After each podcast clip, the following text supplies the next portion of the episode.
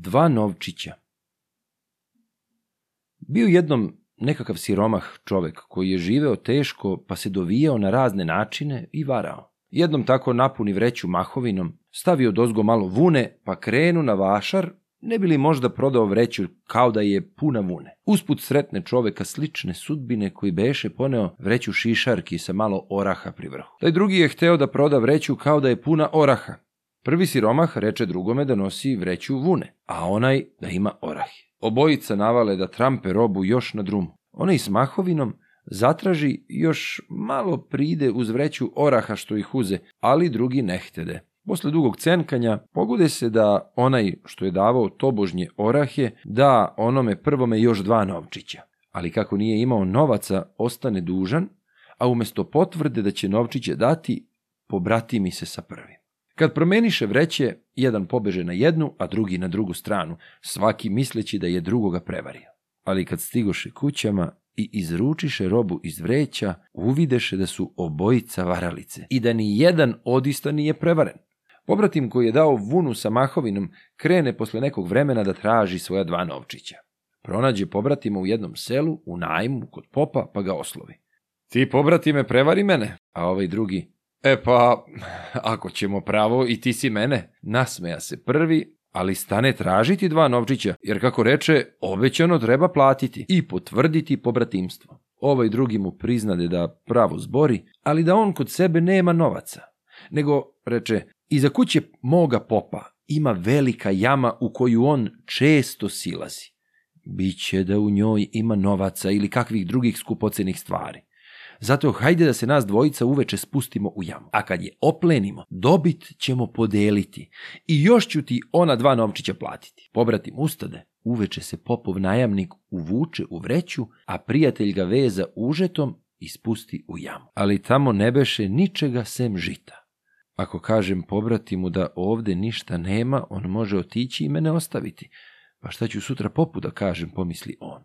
Zato uđe u vreću, dobro se priveza i viknu.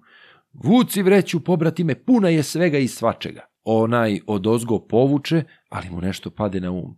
A zašto bih ja blago delio s pobratimom? Bolje da uzmem vreću i što pre odem, a on neka gleda kako će iz jame. I čim to pomisli, prebaci vreću preko leđa i stane bežati kroz selo. Ali psi zalajaše i stadoše ga goniti. Kad se ovaj malo zamorio, spusti vreću, a iz nje neko povika. Odveži, pobrati me, izujedaše me psi. Kad otvori vreću, drugar mu reče. Tako ti, pobrati me, htede mene da prevariš. A ovaj odgovori. Vala i ti si mene prevario za blago u jami. I tako su neko vreme razgovarali, dužnik obeća da će dva novčića platiti kada se drugi put nađu. Najzad se rastadoše.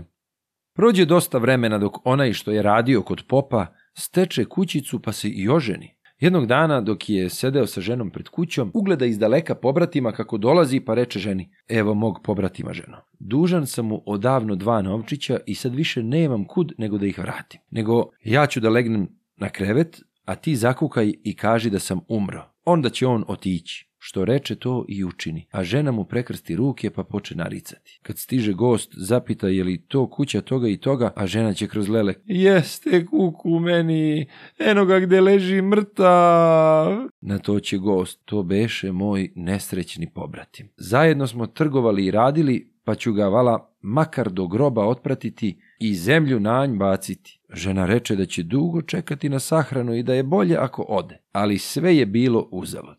Kako bih ja svoga pobratima ovako ostavio, reče ovaj. Čekat ću da ga sahrane makar i tri dana. Što će žena nego šapne sve to mužu, a on je uputi da ide popu i kaže kako je on umr. A kada me u crkvu odnesu, prošapta, možda će se pobratimu učiniti dugo čekanje pa će otići. Žena učini sve kako ju je muž poučio. Dođoše ljudi, staviše tobožnjeg mrtvaca na nosila i odnesoše ga u crkvu s tim da ga sutradan u groblju pred crkvom sahrane.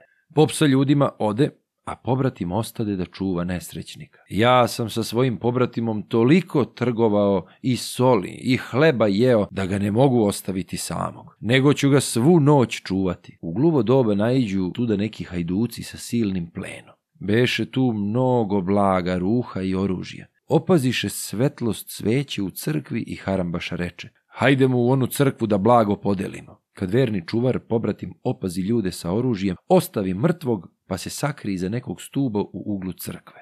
Hajduci posedaše i počeše kalpacima blago deliti. Podeliše svima ruho i oružje, samo ostade jedna sablja za koju su mislili da mnogo vredi. Jedan je uzeo ruke i ustade govoreći. E pa kad je svi toliko hvalite, baš ću da je na mrtvacu ogledam. Ako li mu iz jednog maha glavu odsečem, onda je i sablja vredna tolike hvale. Ali kad Hajduk pođe ka nosilima, nazovi mrtvac se odjednom uspravi i povika Gde ste mrtvi? A pobratim se iz ugla odazva Evo nas, svi smo spremni. Kad Hajduci to videše, ostaviše blago i sav plen, pa utekoše glavom bez obzira. Kad su već dobro podmakli, Harambaša uzviknu E, braćo moja, šta dočeka smo? Iđo smo po gori i svakakvim mestima i noću i danju. Udara smo na kule i dvorove, a noćas se mrtvih poplaši smo. Pa ima li među vama junaka da se vrati do crkve i vidi šta se tamo zbilo? Ja ne smem, priznade jedan. Jo vola neću, nastavi drugi. A ja bih radije udario na deset živih nego na jednog mrtvog, zaključi treći. Ali jedan ipak pristade. Ode tiho do crkve i privuče se pod prozor, ne bi li nešto čuo. Kad tamo pobrati mi podelili blago hajdučko, samo se oko dva novčića posvadili i skoro počupali. Daj mi moja dva novčića, čuo je Hajduk pod prozorom kako jedan srdito zbori, a onaj što mu beše dužan opazi Hajduka pod prozorom pa brže bolje dohvati njegovu kapu i pruži je pobrati mu govoreći, evo ti kape za dva novčića. Kad Hajduk vide šta bi, uteče što su ga noge nosile i jedva živ stiže do družine. Bogu hvala, braćo moja, što živi uteko smo, prozbori. Mi blago kalpacima deli smo, a sad je toliko mrtvih poustajalo da svakome jedva po dva novčića dopadoše, a za jednog ni toliko ne preteče, te uzeše moju kapu i dadoše mu umesto novčića.